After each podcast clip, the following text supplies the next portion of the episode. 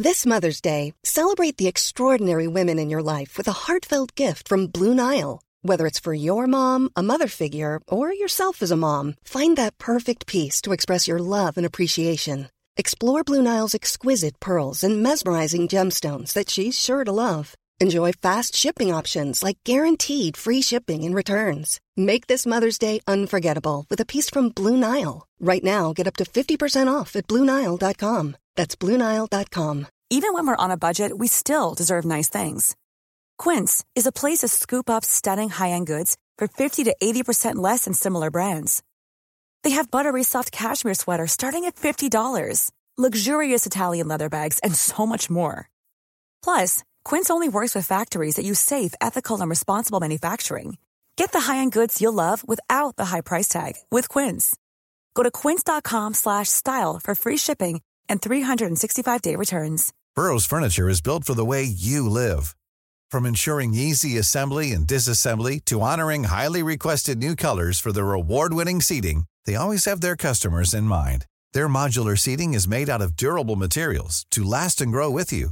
And with Burrow, you always get fast, free shipping. Get up to 60% off during Burrow's Memorial Day sale at burrow.com slash ACAST. That's burrow.com slash ACAST. burrow.com slash ACAST. Joakim Ernstsson är född i Uddevalla 1982 och är handbollsfostrad i klassiska kroppskultur. Efter några år i Redbergslid gick resan till Kolding och Holstebro i Danmark.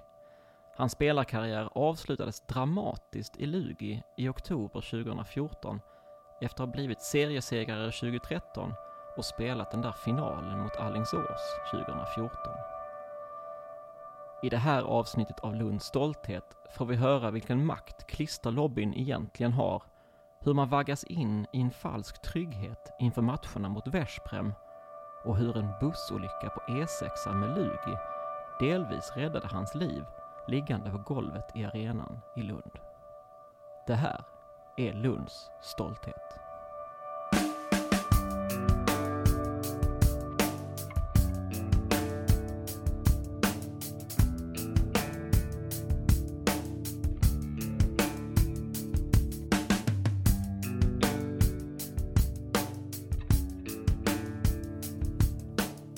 Först får vi veta lite mer om Joakims klädstil som liten. Jag hade en ganska låg profil. Ja. Ganska länge. Körde mycket mjukisbyxor, eh, lite goda tofflor, eh, även i skolan. Ja, Eh, ganska långt upp i åldern. till dina föräldrars stora glädje. Ja, jag var väldigt balanserad, skulle jag själv kalla det. Jag har, jag har ju en åttaåring nu och hon börjar ju redan bli tonåring. Jag blev inte tonåring förrän jag var Tonåring. eh, to- 18 kanske. Så det var ganska sent. Nej men jag, eh, jag spelade handboll, hade det kul. Ja. Det var mitt liv. Skötte du dig i skolan också samtidigt eller du, hur funkar det? Jag gjorde väl det. Ja. Det, det gjorde jag. Ja. Absolut. Det var en viktig del. För lite lundensis på det sättet. Ja. Det är inte så att jag hade en massa krav hemifrån. Men jag, jag var ganska noga med att sköta mig. Eh, Men eh, som det var på den tiden så eh, jag testade ju på, spelade ju lite pingis och lite innebandy och fotboll spelade jag ju eh, länge.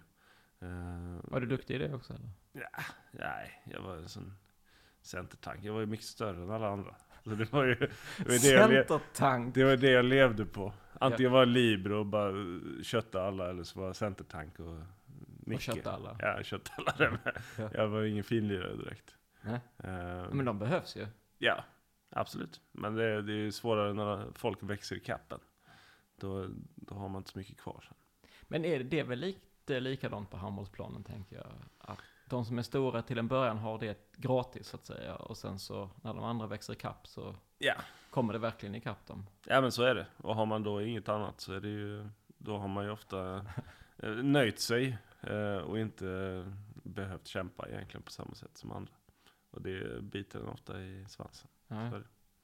Men, och då Uddevalla, det heter inte Uddevalla HK utan det heter då, Gymnastikföreningen Kroppskultur. Kroppskultur, ja. Det finns ju Uddevalla HK också. Ja, Det är, ja det, het, det finns ju faktiskt, ja. skitförening. Nej, Den här inte- podden kommer bara gå ut i lokala sammanhang. Per Johansson är ju Uddevalla HK Just det. från Just det. början. Mm. Nej, men det, det är ju en gammal anrik klubb. Eh, De var ju, när jag var ung, ja, redan på 80-talet, eh, men på 90-talet var det ju framgångsrik klubb. Många liksom hade landslagsspelare och gjorde väl ett avtryck i den gamla handbollskartan i Sverige.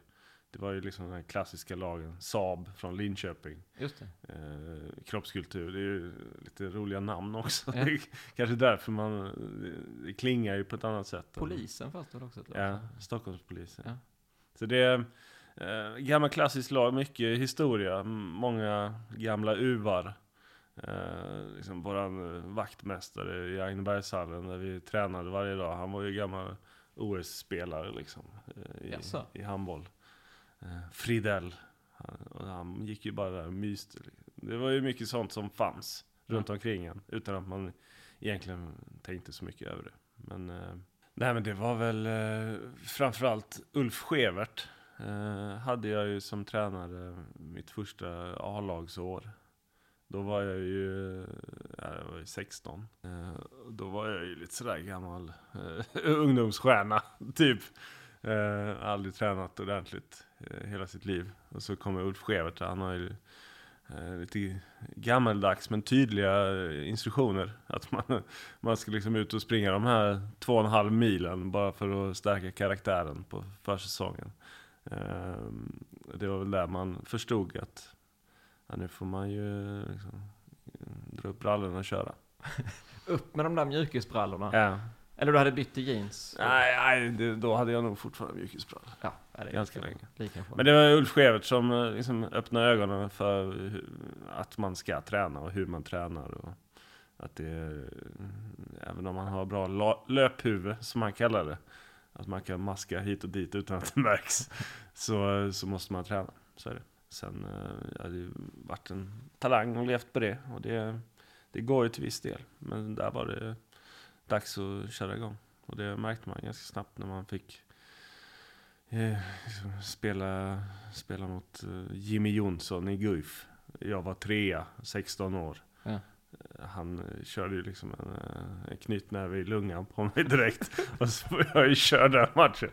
Eh, Men det var ju en annan värld. Och du tittade lite grann på domarna? Eller nej? Ja, det, det, de visste ju exakt vad han gjorde. Men Mhm. han hade ju jobbat upp så han fick göra det. ja. De första matcherna jag gjorde som 16-åring var i elitserien. Då åkte vi ur elitserien. Eh, mm. Den säsongen? Den första. Mm.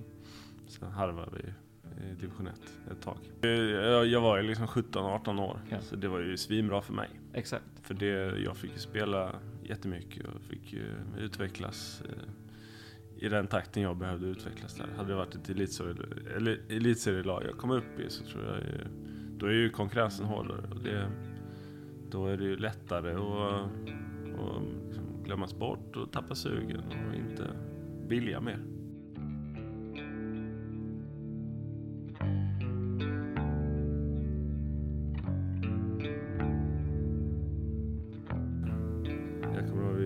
Åkte till Japan och spelade. Vi hade någon vänstad där. Mhm. Hade Peter Kant som tränare. Då hade de kommit på att vi skulle spela turneringen utan klister. Perfekt. Ja, det, var, det är ju snack om det nu att de ska införa det igen. Men det här var ju f- 15 år sedan. Så efter fem minuter första matchen så, så gick det inte att hålla bollen längre när man blev lite svettig. Så det, då, då tog jag alla klistren och förstörde bollen. Och Peter Kant han lovade att han skulle kämpa för klisterfrågan.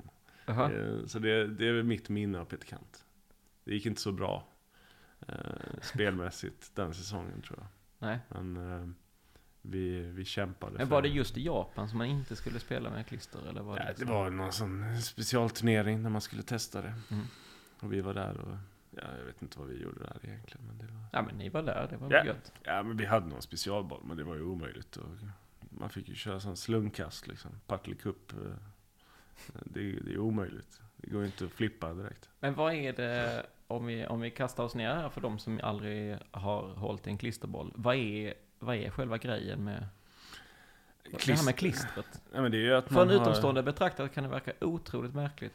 Ja, det är ju lite motsägelsefullt att man, eh, man ska ju kasta iväg bollen. Och då är det ju konstigt att man har klister på handen. Ja. För rent generellt så fäster ju klister.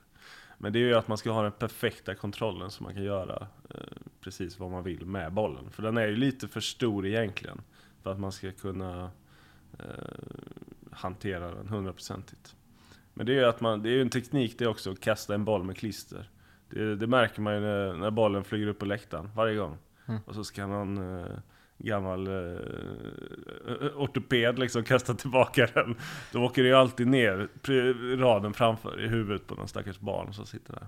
Och det är ju för att Som håret. man måste liksom skruva eh, på något sätt iväg bollen för att eh, den ska lossna. Mm. Eh, Men klistret är ju A och O för att kunna göra saker som man inte hade, annars hade kunnat göra med bollen. Och vad, vad är det man kan göra som man inte kan göra annars? Man kan ju skruva, eh, man kan ju eh, inte tänka på att man behöver hålla bollen. Utan att man tänker på vart bollen ska och vart man ska skjuta istället. Eh, Så det, det är ett moment som, som sätter sig i ryggmärgen egentligen hos alla som har spelat med klister. När man går från att inte spela till att spela med Mm. eh, i, den, i den åldern så är det egentligen det är två olika, två olika tekniker helt och Ja, hållet. det är det ju. Och det första året så är det ju mer att nu ska vi lära oss att passa igen. Ja. För det, det är ju liksom 90% av alla passningarna sitter ju inte i, i händerna det första året man spelar med klister. Så är det. Det är, det är helt annan sport egentligen. Men om man hade eh, haft, gjort bollen mindre då? Alltså för... för Ja, det hade nog funkat. Ja. Tror jag. Men Kanske. av någon anledning så har man för stor boll. Har du någon aning när, när kom klistret in? nej, ingen aning. Nej. Det, var ju såna här gamla läderbollar förr i tiden Mm. med snörning och skit ju. Precis som gamla fotbollar. Mm. Jag har ju känt på sådana och de är ju, jag tror inte de hade, de hade ju gamla kåda från eh, björkarna liksom. Så det, det var ju, utvecklingen har ändå gått framåt på något sätt. Men det är ju konstigt att man har gjort bollen för stor egentligen. För Det- det- handen. Lite ologiskt är det ju ändå. Ja. Man kunde, hade ju kunnat göra mindre från början och slippa klister. Eller finns det någon sån här stark klisterlobby inom Ja, handbollen? nu kanske det finns det. Ja, som driver Det är liksom. omöjligt. Ja. Det är som oljelobbyn. Ja, exakt. Jag vet inte om det är så mycket pengar i klister kanske. Ja, man vet inte. Man Det, använder jävligt mycket i och för sig.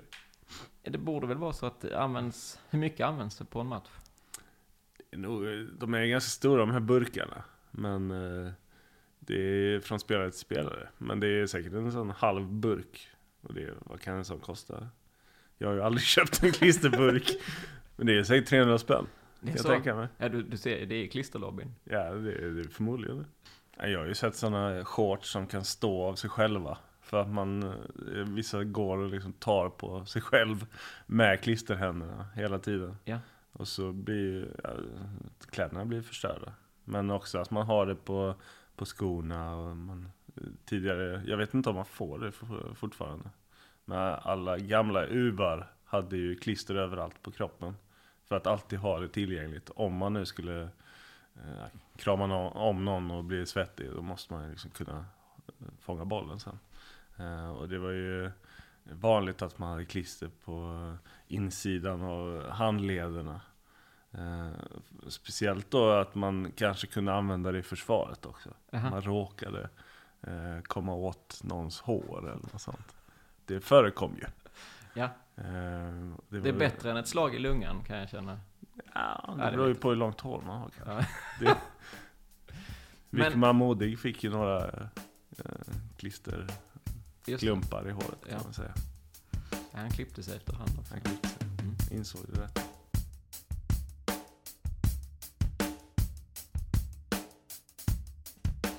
Men sen så, så gick jag ju till RIK i Göteborg.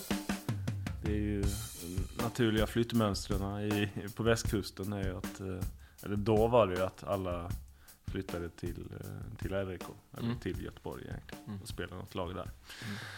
Nu är det ju lite annorlunda med Alingsås och ja, handbollskartan har väl skrivits om lite. Då var det ju bättre resurser kan man säga. Men Mm. det, det är väl det de har betalat för efter. Eh, det var ju lite som det var på den tiden, att det var liksom, eh, några starka män som styrde det lite som de ville. Ja.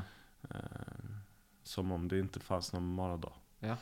Eh, Det brukade finnas. det löste sig alltid, morgondagen. Ja. När de fortfarande ville och kunde och kände att det var kul. Ja. Mm. Eh, och det...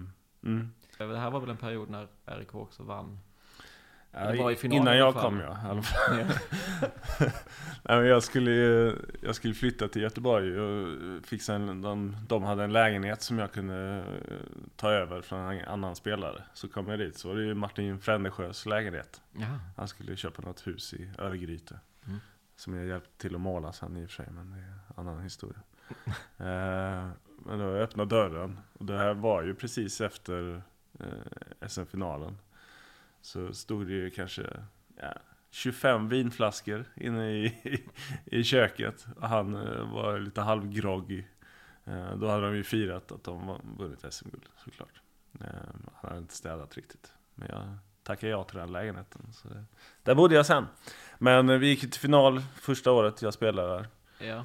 Förlorade mot Sävehof. Det var ju Larholm och Kim och. Spyros Balomenos Mm. och en massa andra figurer. Eh, Det var ju precis när deras storhetstid inleddes där, efter Hammarby. Eh, Eller innan Hammarby kanske. Ja. Mm. Eh, Och sen gick det ju utför. Den blev konkurs och grejer. Men, men om, man, om man glädjande tittar på, eh, jag bara säger det för din egen skull, om man kollar på Wikipedia så st- står du med i eh, guldtruppen eh, från året innan då. Ja, ja. Ja det är bra. Så vi behöver inte... Nej, nej, jag har ju tagit. SM-guld också då. Ja, exakt. Det är skönt. Frändesjö spelade, var han kvar i truppen? Han var kvar i truppen. Mm. Han brukar sitta på innebandysarg nere på vänsterkanten på träningarna. Mhm. Och sen backade han in bilen eh, för att han skulle kunna åka hem snabbt efter träningen. Så han var inte supermotiverad de sista åren. Eh, Wislander var också där. Mm, spelade med han. Och sen blev han tränare. Då hade vi ju Bagan som tränare min första säsong. Nej men det var ju också som en pojkidol. Det måste det ju vara ändå. Ja, så det var ju helt orimligt egentligen. Jag spelade med Wislander, Frändesjö. Det var ju sådana man bara sett på tv. Eh, Så det var coolt. Jag har en gammal VHS eh, inspelning kvar som jag har digitaliserat. eh, När vi mötte Lugi i idrottshallen. Det var min första säsong i RIK. Mm. Jag håller på att skjuta i krysset och sånt. Jag jag gör säkert tio mål. Mm. Eh, vi vinner. Christian Meijer springer kontrar och är stöddig på kanten. Kom ju tillbaka till kroppskultur min första match med RIK och, och förlorade. Fick rött kort och var allmänt övertänd i Agnebergshallen, min gamla hall. Du, nu skulle du visa Ja, var jävla- skåpet skulle stå. Men det gick ju sådär. Ja, så är det. Men rött kort i vilken minut är ju frågan också. Jag vet inte. Det kan ju vara värt det också. Jag hade nog gjort tio mål innan i alla fall. Så det, var nog, det var inte första halvlek. Ja, det kunde det vara. Sig. på den tiden.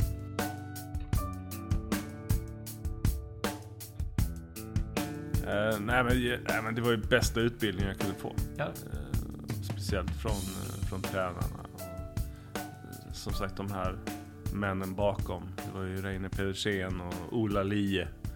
Eh, sådana som man inte hört så mycket om. Men de, de hade ju stor input på eh, träningarna. Hur man spelar, hur man tränar. Och, ve- och vem var de? Det är ju de här i bakgrunden. Ja, just det. Eh, Visa männen, de som bestämmer. Mm. De som liksom valde spelare och sådär. Så länge det höll. Mm.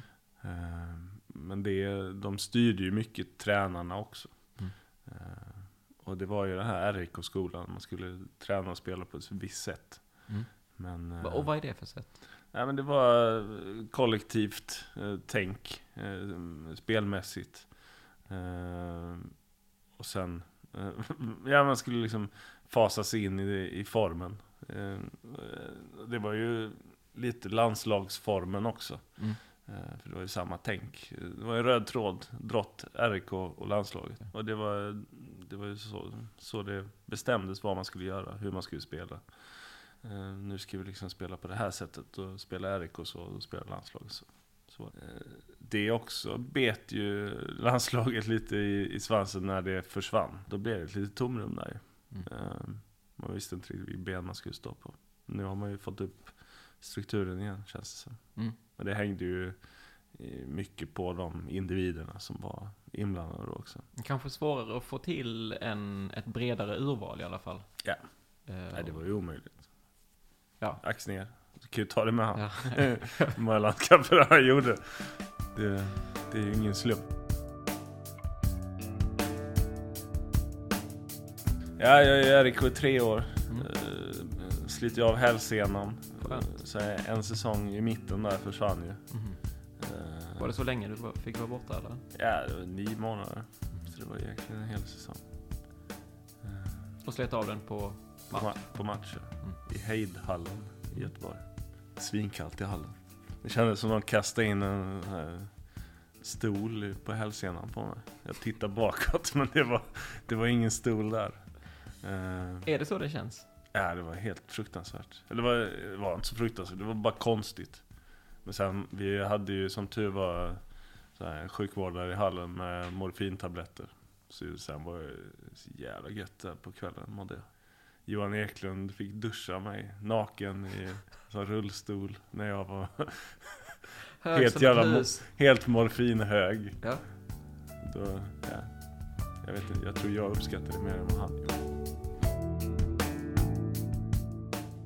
Nu har ju de flesta bra agenter liksom, som, som, har, som har bra kontakter och det, är man ung, vill ut, då är det ju det, den vägen att gå egentligen. Mm. Om man inte känner folk själv. Eh, man är ju grön liksom, förhandlingsmässigt och sånt också. Man kan ju bli eh, ganska lätt överkörd av Mm.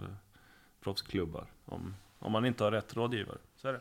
Alltså hur funkar Utan det, det byggs ju upp under tid ofta. Eh, Mm. Det är någon som hör någonting och sen är det, det är ju också mycket individstyrt. Eh, Vem är tränare? Vilka gillar tränaren? Vem är sportchef? Vil- Vilka gillar sportchefen? Eh, Så följer man spelare löpande. Det är inte så att man får ett videoband liksom på Joakim Ernstson i Danmark. Utan det är, Annars har du en VHS från, jag, har, jag har ju en jävligt bra från nio från idrottshallen. Dålig kvalle, men Ja. man ser att det är jag. Nej men... eh, Alla men- är ur fokus utom du. Ja, av en hän- händelse. Nej men det, det är ju, eh, det, det är nog mer en löpande process det här, det första steget. Mm. Sen kanske det är mer eh, när man vet vad man får. Mm. Då är man ju bara en ung spelare. Mm. Som är svår att värdera kanske. Varför ville du gå till Danmark? Eller hur blev det så? Jag träffade ju min, eh, min fru. Träffade henne, hon bodde i Stockholm. Vi hade lite god pendling där fram och tillbaka i något år. Eh, Jag bodde i Göteborg. Eh, Sen så kände vi att nu får vi flytta ihop. Hon spelade i Skuru handboll Mm. eh, på den tiden. Så hon bodde i Göteborg, tränade med Sävehof två, gånger i veckan. Och sen pendlade upp till Stockholm och spelade match med, med Skuru och jobbade lite där. Och, ja, det var en riktig hittepålösning. Sävehof lät väl henne göra det för att de räknade kallt med att hon skulle flytta till Göteborg och, och spela där Mm. året efter. Men då flyttade vi till Danmark, till Kolding. Mm. Där bägge kunde spela på hög nivå. Mm. Eh, och där var vi i... Jag var där i två år. Hon spelade i tre år. Eh, jag började med att flytta till Holstebro sen. Eh, så spelade jag där i fyra år. Så sex år i Danmark sen. Var i Danmark är vi nu? Vi är ju precis över bron till Jylland härifrån. Mm. Så det är en timme ner till Tyskland och två timmar, tre timmar upp till Fredrikshamn. Mm. Så det är ju grötigaste Jylland Mm. egentligen. Mm. Nej, ja. Det säger de väl inte själva. Men Nej, det är det. nej gud nej.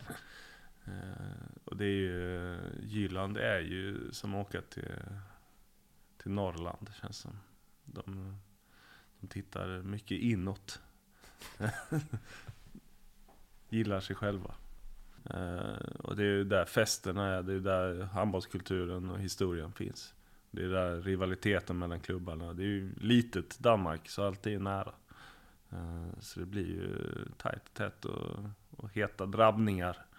Och sen, eh, har det ju försökt så liksom utvidgas t- till Köpenhamn och sådär. Men det, det är lite eh, konstgjord andning. Det, då har de inte den här historien att, att gå tillbaka till. Och det, det såg vi nu att det, det funkar ju inte riktigt med Kolding, Köpenhamn varianten där som man försökte. Och hur var livet i Danmark? Var det liksom... Ni hade ju varandra i alla fall. Ja, ja. Nej, vi hade ju svinbra. Eh, liksom, livsmässigt hade man ju inga problem överhuvudtaget. Det är ju drömliv. Man fick allting. Man fick ju mat, man fick husrum, man fick liksom lön. Man behövde inte göra ett skit om man inte ville. Man var ju där för att spela handboll. Det enda man gjorde var att spela handboll. Man hade ju oceaner av tid. Mm. Om man jämför med att ha, liksom, ha barn. Mm. Så det, där och då tyckte man kanske det var jättejobbigt. Men det, backspegeln så var det jävla räkmacka. Vem, vem spelar du med i Kolding? Är det någon som vi känner till, som vi liksom borde... Jag, spelar ju med, det var ju mycket svenskar där. Jag spelade ju med Olander, målvakten. Mm. Jag hade ju Sivertsson, bröderna, både som tränare och eh, medspelare. Framförallt Sebastian Seifert Mm. var ju där och spelade när jag var där. Mm. Vi la ju också golv i hans eh, hus tillsammans. Och drack eh, vodka cola. Samtidigt. Så det blev väldigt stora lister till slut. Ja, just det. Det är en väldigt stor spalt. Det blev sådana fotlister fast liggande. Patrik Olsson. eh, han spelar ju med i kroppskultur också. Och senare även i Holstebro. Mm. Så Så ni följdes åt. vi följdes åt. Men eh, och hur är din danska egentligen? Eh, riktigt dejlig. Är det så? Nej, ja, men jag kan... eh, eh, under berusning är man ju betydligt bättre på det mesta. Men eh, danskan är ju med fördel talas under berusning. Mhm. Så är det. Då grötas det till lite extra. Tycker även danskarna. Ja, ja men jag, jag tycker ju själv att jag kan prata. Eh, På Jylland tycker man ju absolut att jag inte kan prata. Nej. Eh, Gick jag in och beställde en killing sandwich så Mm. började de prata med engel, på engelska med mig. Mm. Eh, Så här härligt danskt arrogant. Mm. Eh, Det är Nordens fransmän. Ja, absolut. Mm. Och speciellt där uppe Holstebro. Mhm. Där eh, de förstår inte själva vad de säger. Så det, där är det ju lite uppförsbacke. Men jag tycker själv att jag förstår och jag tycker att jag gör mig förstådd. Men det är inte alla överens med mig om. Sen eh, är jag inte lika bra som min fru som hon gick ju dansk kurs också och blev lite mer integrerad också.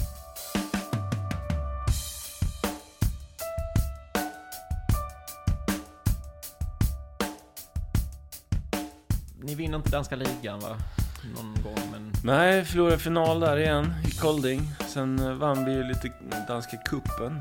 Eh, Det är ju stort i Danmark. Mm. Eh, Alltså är det? Ja. Eh, vann ju det med Holstebro. De hade inte vunnit så mycket tidigare. Sen kom vi trea i, i ligan. Slog ju GOG med Ulf Schevert som tränare och Fredrik Petersen och Olof Ask Mm. som spelare. Eh, så det var ju... eh, Holstebro har ju hållit i ganska bra sen dess. De är fortfarande högt uppe i ligan. Men spelar ni lite Europaspel och sådär också? Ja, det gjorde vi. Mm. Kolding spelade i Champions League. De Mm. vann ju året innan jag kom. Mm. Jag ser ett mönster. Jag ser ett mönster. Ja, allt Ja. fallerar. Ja. Så jag spelade Champions League. Jag spelade Champions League med RIK. Jag spelade Champions League med Kolding. Har gjort de här bortamatcherna i Veszprem liksom. När Mm. man har tinnitus i fyra veckor efter. Alltså var det så redan då? Ja, det var sjukast. Den gamla hallen i Veszprem. Där var det ju det var fullt med pelare så det var ju ingen som såg någonting. Nähä. Så det enda de gjorde var ju att låta liksom. Och det var, det var sjukaste upplevelsen någonsin. Det var ett konstant brus av tutor i 60 minuter. Så man hade liksom, Tror du att tränar de med det? För jag tänker det måste vara väldigt svårt med Ja. kommunikationen. jag vet, de är ju vana vid det. Mm. I och med att de spelar med det hela tiden. Det blir en chock för alla som kommer hit för första gången. Så Det är väl lite som folk som kommer och spelar typ mot Galatasaray i fotboll. Ja. Det är, liksom, det är en Det är ju- enorm chock av den här grytan. Det är nog tre till fem måls handikapp liksom. Bara av eh, att man inte kan förbereda sig på det. Men är det, är det liksom en, en, bara ett allmänt eh, brus? Eller är det också så att man känner att man själv är liksom attackerad eller? Ja, där är det ju liksom, du är ju två millimeter från att bli attackerad. Det är väl den känslan de vill måla upp. Jaha, okej. Sen tror jag de är, de är ju rimliga liksom, människorna. Mm. Så man blir ju inte attackerad, men de vet ju vad som krävs för att, eh, för att påverka. Och störa... Ja. Mm. Och det funkar. Så är det. Mm. Nej men jag, Dejan Peric, en gammal målvakt som stod där då. Jag la ju en straff på han som han limmade med armbågen. Va? Ja, jag satt där mellan armbågen och höften. Okej. Då Låg ju under med 10 kanske. Uppladdningen när man kommer dit, är det, är det likadant då? Att det liksom, man, man får den känslan redan från början? Liksom, att de låter en veta på hotellet var, var man har kommit? Eller är det... Nej, man är superomhändertagen. Ja. Det är en sån falsk trygghet. Mm. Man får någon god soppa med en vit limpa och de gör allting för en. Man kör hit och dit och allt är supertrevligt. Och sen bara kommer chocken när man väl sitter där. Springer in på, på matchen. Det är genialt alltså. Ja, absolut. Det är, De har eh, framgångsrecept. man vaggas in i en falsk trygghet Ja. och sen får man sig ett slag i lungan. Mm, typ.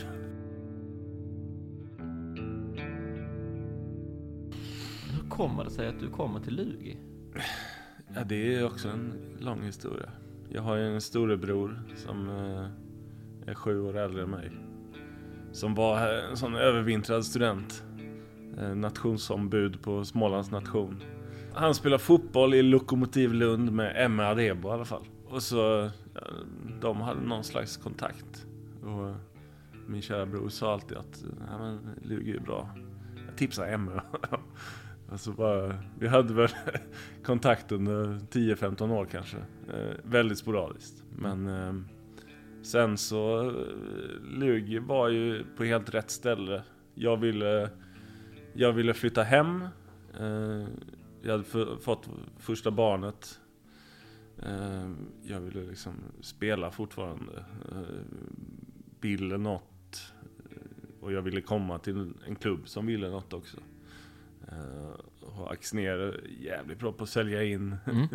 både eh, Lund och Lugi.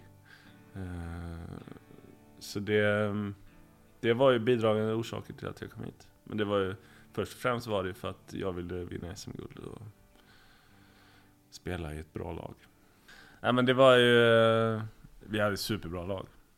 Eh, Och, och hur ser det här laget ut när du kommer dit? Det var ju eh, Albin Tingsvall, Hallberg, eh, Gummi, Meijer, det är Espen i mål, eh, Jakob, eh, Lejonberg. Vi hade ju, ja, ni kommer ju säkert glömma massa. Ja men, men det man hör, men du målar en, en ganska stark... Johannes Hippe kom ju hit under säsongen. Mm. Sen supervärvning liksom. Eh, Norrmannen. Ja.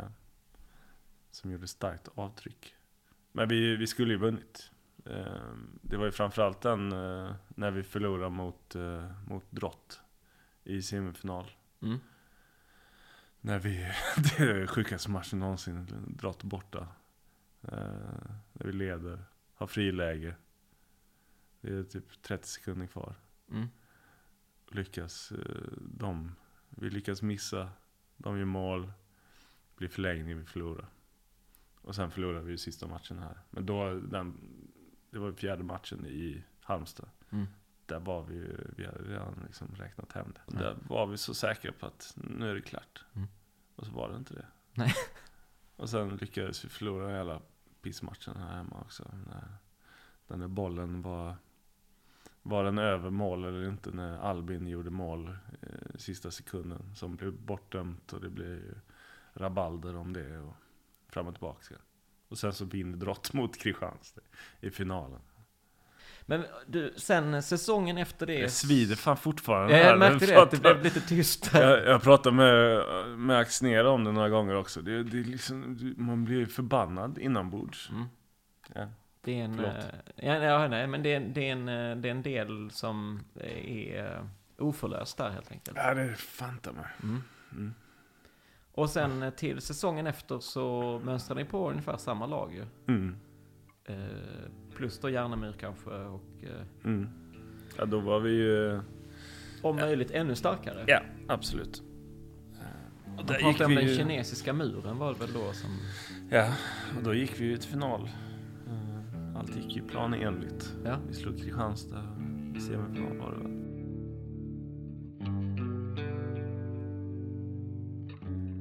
Den finalen, där eh, fick jag ju någon slags förepisod till eh, mitt eh, hjärttrauma Ja. som kom sen säsongen efter.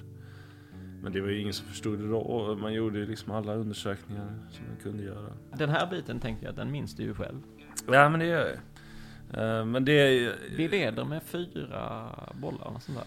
Ja, och jag går upp och ska slå en pass i 6 mot 5 tror jag det är, eller 6 mot 4 eller sånt där. Mm. Det går bra nu, kan man säga. Ja, det går jävligt bra. Det är klart liksom. Ja. Eh, Fan vad gött. Ska defilera hem. Mm. Och sen så får jag en smäll i bröstet. Men jag tror det är när jag liksom reser mig upp eller när jag... Ja, som jag känner någonting. Eh, då är, I efterhand så... Jag har ju fått arytmi på hjärtat förmodligen. Då också. Eh, att hjärtat har rusat. Men då har det ju inte gått så långt att jag svimmar av eller något sånt. Utan det, var, det är bara en försmak. Eh, för jag har ju jag har en gammal hjärtmuskelinflammation som är ärrvävnad, ärr på hjärtat som gör att man får arytmi. Att hjärtat slår lite oregelbundet och kan Mm. rusa. Eh, det vet vi ju nu, men det visste vi ju inte då. Nej. Eh, så då trodde man att det var något blåmärke på hjärtat eller något sånt. För man gjorde ju ultraljud, kollade hjärtat. Det var inga, ingenting man såg då. Eh, Du var på planen och känner att... Mm, Ja, jag blev helt eh, illamående och... Liksom, eller det var något konstigt som jag inte kände igen, som jag aldrig hade haft tidigare. Mm. Eh, och sen så fick jag gå av, och sen fortsatte det. Så låg jag där ba- bakom bänken. Mm. Det var inte heller optimalt kanske. Och så till slut blev jag utrullad, fick gå till, till sjukhuset i Malmö. Mm. Och så fick jag reda på att Alingsås hade vunnit också. Det sved ju mer i hjärtat än arytmin. Där och då gjorde det. För, för där och då så blir det ju extremt dramatiskt. Ja, det, där uppfattar jag ju allting och det, det bara, känns bara konstigt.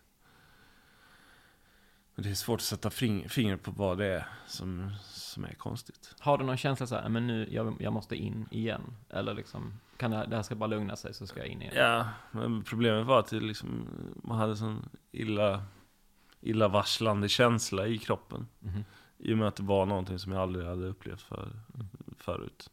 En smäll liksom och att det gör ont och så. Det, det är ju lite vardagen Mm. som handbollsspelare. Men det var... Det var just den här olustiga känslan som man tog med sig. Det är den jag inte hade sen nästa gång. För då gick det ju så långt att jag inte var med i matchen. Då Ja, var just jag det. avsvimmad på ett annat- annat sätt. Hur sker liksom eh, dialogen med, med läkare och, och med liksom någon form av medicinsk team både i och kring Lugi men också Ja, nej men jag, jag har ju gjort tidigare, jag har gjort hjärtscreening flera gånger om. Uh, ingenting som har eller upptäckts där. Jag har gjort det både med, med landslaget, jag har gjort det i Göteborg med, med RIK. Uh, eh, så det, det hade liksom inte kunnat upptäckas, det jag har, om man inte hade gjort en uh, magnetröntgenundersökning av hjärtat. Och det gör man. Om man inte är sjuk. Och det, jag kände mig inte sjuk, jag var inte sjuk. Nej. Eh, Så det...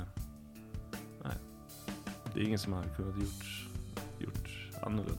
Så det bara. Ja, för det, jag förstår att det blir ju en ganska skärrad stämning även runt omkring dig just Mm. där i Malmö Arena.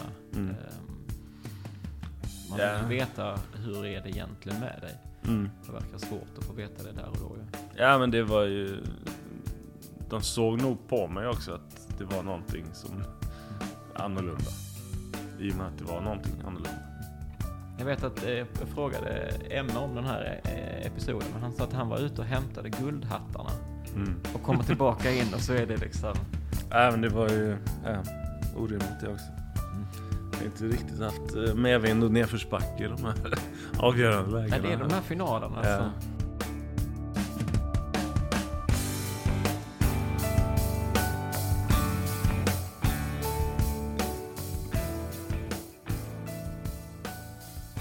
där i oktober Ja. 2014 Mm.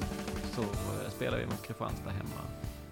Och då, då får du ingen smäll. Nej, utan då är det bara att jag går på ett genombrott för frikast, sen ska jag lägga frikastet. Och så bara eh, liksom, svartnar det. Och det, är- det är heller inget jag...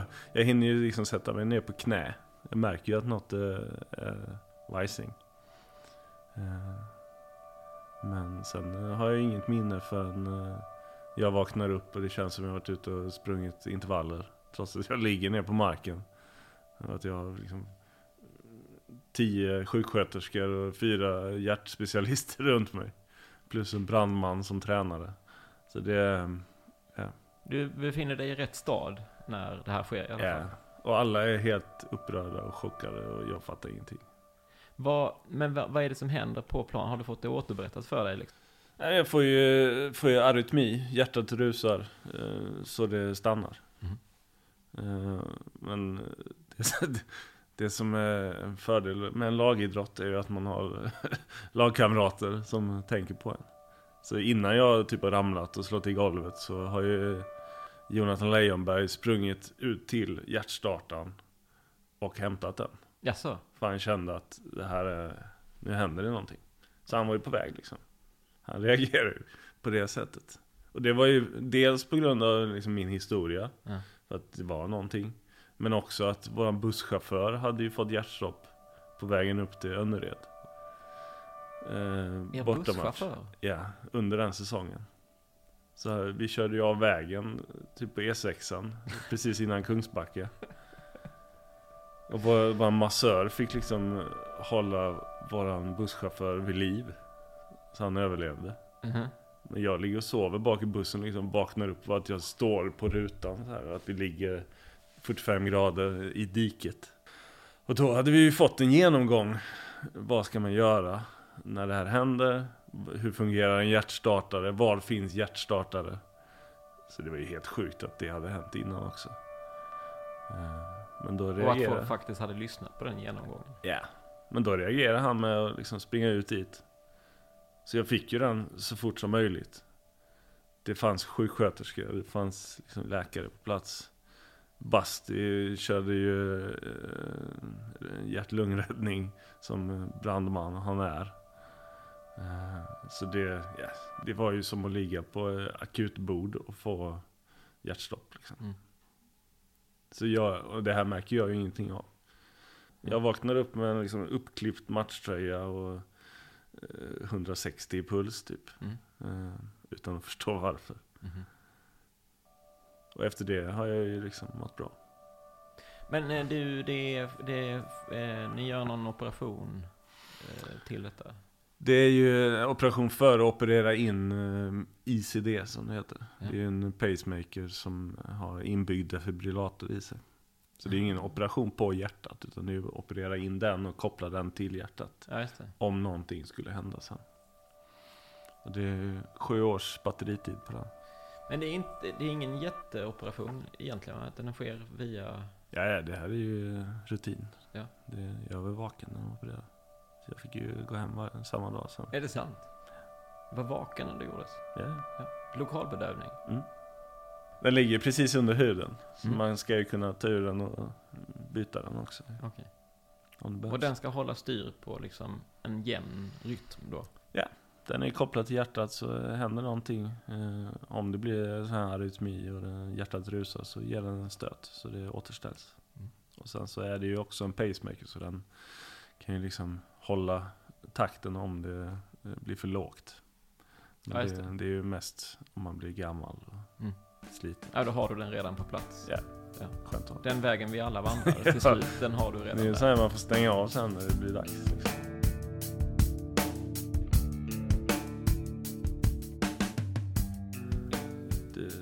Man får ju absolut vara aktiv. Det är ju, egentligen är ju sannolikheten väldigt liten för att någonting skulle hända. Men det är ju om den slutar fungera och man får en smäll eh, samtidigt och att hjärtat får arytmi. Mm. Eh, det kan ju hända. Och, eh, eh, risken är ju mindre om jag inte spelar elithandboll. Så. Ja. så det, det var ju inget, inget val egentligen. Jag var ju ganska färdig också. Du var 33, 5, 3? 33, 2. Två. Jag är gammal och sliten. Jag är 65 i kroppen. Mm. Så jag var, jag, jag var förbrukad på många plan. Ja. Gick på rutin de sista åren. Men det var det där SM-guldet som du skulle Ja, det skulle ju tas. klämma. Det Men eh, så de står slutade... bara på Wikipedia istället. Ja exakt, men det, vi- vi ska inte nämna det igen för då kanske det är någon som går in och redigerar det. Ja. Men, men eh, du blir ju tränare i Lugi sen. ja. Nej men det var ju kul att få vara med liksom. Inte bara bryta eh, rätt av. Det hade nog varit tufft. Och det har man ju märkt nu efter. Det är, ju- man saknar ju inte att spela handboll egentligen. Utan man saknar ju att vara med i, i gemenskapen. Så sen kom Jack ner tillbaka. Och då är jag ju eh, assisterande den säsongen också. Mm.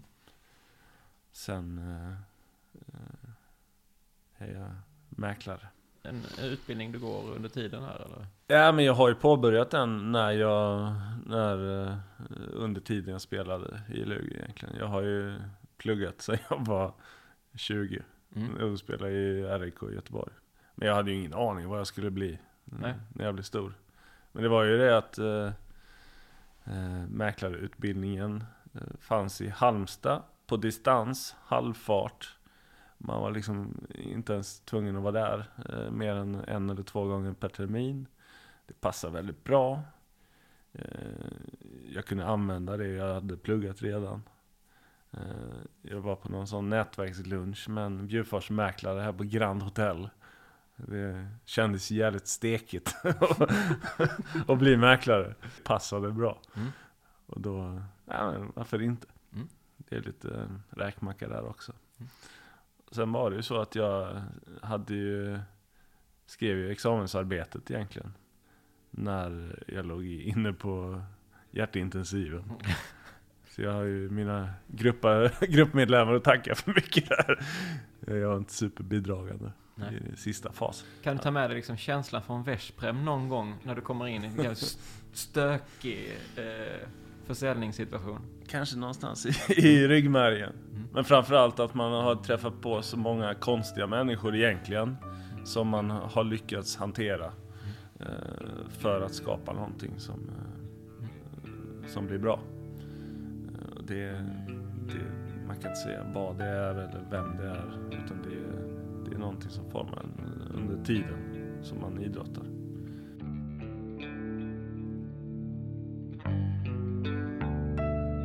Ditt förhållande till handbollen idag? Jag har ju två döttrar, en eh, sex och en åttaåring. Jag har lyckats undvika att bli deras tränare, än så länge. Än så länge. Nu är det ju mer barnomsorg eh, istället för handbollsträning. Så de är eh, utmärkta ungdomstränare i Lugi som sköter det galant. Jag sitter mest och tittar på. Men de ser ju att du sitter där bredvid. Ja, nej men jag, Det är bara en tidsfråga. Jag har ju fått vara med och, styra upp ena sidan kanske när någon tränare är sjuk och sådär. Men eh, jag, eh, nu är det lite paus från handbollen. helt enkelt. Men du sitter i elitkommittén. Jag sitter i elitkommittén. Vi är ju lite kontaktpersoner åt spelarna Mm. eh, i elitlagen. Mm. Sen har vi ju egentligen budgetansvar för att eh, elittruppernas budget ska hållas och utnyttjas så effektivt som möjligt. Det, vi har ju inte sjöar att ösa ur. Nej. Eh, så man får göra det bästa av, av det man har. Mm. Men det är ju ett glatt ideellt arbete. Mm. Det är just nu, som livet ser ut, så är det ju det jag, jag, jag klarar av egentligen, eller som, som går att hantera. Mm. Så det just nu passar det superbra. Mm. Eh, vi pratade aldrig riktigt om... Du eh, eh, spelade ju landslaget ett tag. Mm. Först ungdomslandslaget. Eller jag har det här, du, du gjorde tydligen 60 la- eh, ungdomslandslagskamper. Ja. ja. men som sagt, jag var ju ganska... 253 mål. Ja. Jag var ju med från början. Jag var ganska stor, som sagt. Eh, det var kanske inte bara därför. Men från J och U, där hade vi ju Per Johansson som, eh, som tränare. Jag hade ju han när jag var B-pojken och sånt i Kropps också. Mm. Sen var ju han tränare för J-landslaget och sen också för U-landslaget med Ingmar Linnell. Mm. Eh, Så vi hade ju, eh, jag hade kanske lite räkmacka in där. Eh, Det vet jag inte. Nej. Men vi var ju relativt bra årgång kan man säga. Ja, för ni, ni har ett starkt mästerskap där, VM Brasilien. Ja, det är ju eh, kronan på verket. Det är ju eh, VM-guldet i Brasilien. En final som du vann. Ja, faktiskt. Ja. Där blev jag skadad i, i sista minuten i första halvlek. Eh, Alltså det var någon annan, det var andra som fick gå in och ta... Ja, Lukas Karlsson framförallt som styrde upp det där. Mm. Men det var ju superbra spelare. Ja, det var ju Kim Andersson, Jonas Larom, Lukas Karlsson.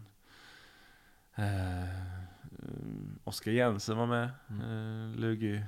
Sebastian Geisler Mm. är ju en gammal Mm. Lunda-profil. Eh, med mera. Mm. Ja, det var ju många som, eh, som fortsatte sen Mm. sin utveckling. Så det var ju ett väldigt bra lag. Häftigt. Mm. Och de ni mötte, var det folk som du sen stötte på? Ja, det var ju, vi mötte ju Danmark i finalen. Mm. De hade ju Lasse Svan på högerkanten, Anders herregud. Eggert och Thomas Mogensen. Ja, det var ju, de hade också en bra årgång.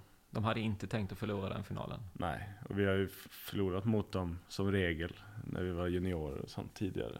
Vad var det som gjorde att ni vann då? Nej, jag vet inte. Lukas Karlsson. Han löste det. Det var att du blev skadad sista minuten, första halvlek. Ja, det var väl det. Men, eh, och sen har du spelat eh, i A-landslaget också ju. Jag har varit med på väldigt många Samlingar. samlingar. Ja. Jag kan inte säga att jag spelar supermycket. Nej men det var ju precis i, i generationsskiftet. Eh, Första landskampen, då var ju alla de här gamla uvarna med. Mm. Eh, Wislander och Staffan Olsson, Vranjes och ja, Gensel. Alla de här gamla var ju fortfarande kvar fast de var egentligen för gamla. Mm. Och sen kom vi som var Alldeles för unga. Ja, så det, däremellan var det bara Bokvist egentligen. Som hade kunnat komma in i det här gänget. Så det var ju tomrum där när de blev gamla och dåliga, helt enkelt. Mm. Och sen var vi för unga och för dåliga. Så det, var ju, det blev lite mellanmjölk där några år. Nu har det ju satt sig lite bättre. Men eh, var med på många samlingar. Jag har varit, eh, suttit mycket på bänken. Inte riktigt varit stötte, stöttepelare någon gång.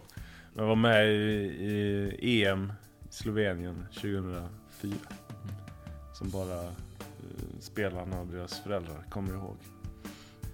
Det, det var väl, eh, både jag, Kim och Larholm var ju med i det här EMet. Det var ju vår första riktiga eh, landskamper.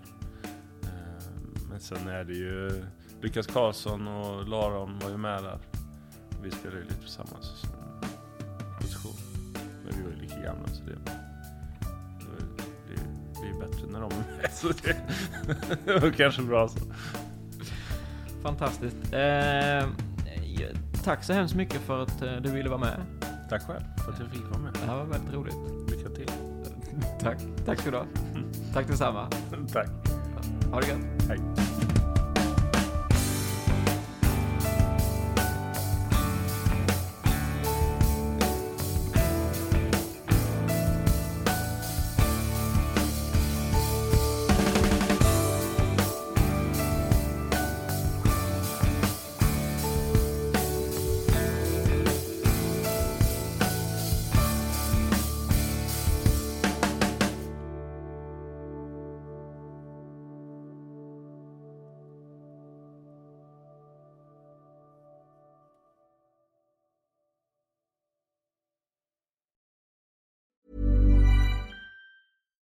Here's a cool fact a crocodile can't stick out its tongue.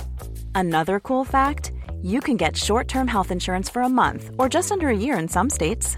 United Healthcare short term insurance plans are designed for people who are between jobs, coming off their parents' plan, or turning a side hustle into a full time gig. Underwritten by Golden Rule Insurance Company, they offer flexible, budget friendly coverage with access to a nationwide network of doctors and hospitals. Get more cool facts about United Healthcare short term plans at uh1.com. Hi, I'm Daniel, founder of Pretty Litter. Cats and cat owners deserve better than any old fashioned litter. That's why I teamed up with scientists and veterinarians to create Pretty Litter. Its innovative crystal formula has superior odor control and weighs up to 80% less than clay litter. Pretty Litter even monitors health by changing colors to help detect early signs of potential illness. It's the world's smartest kitty litter. Go to prettylitter.com and use code ACAST for 20% off your first order and a free cat toy. Terms and conditions apply. See site for details. Mom deserves the best, and there's no better place to shop for Mother's Day than Whole Foods Market. They're your destination for unbeatable savings, from premium gifts to show-stopping flowers and irresistible desserts. Start by saving 33% with Prime on all body care and candles. Then get a 15-stem bunch of tulips for just $9.99 each with Prime. Round out Mom's menu with festive rosé, irresistible berry chantilly cake, and more special treats. Come celebrate Mother's Day at Whole Foods Market.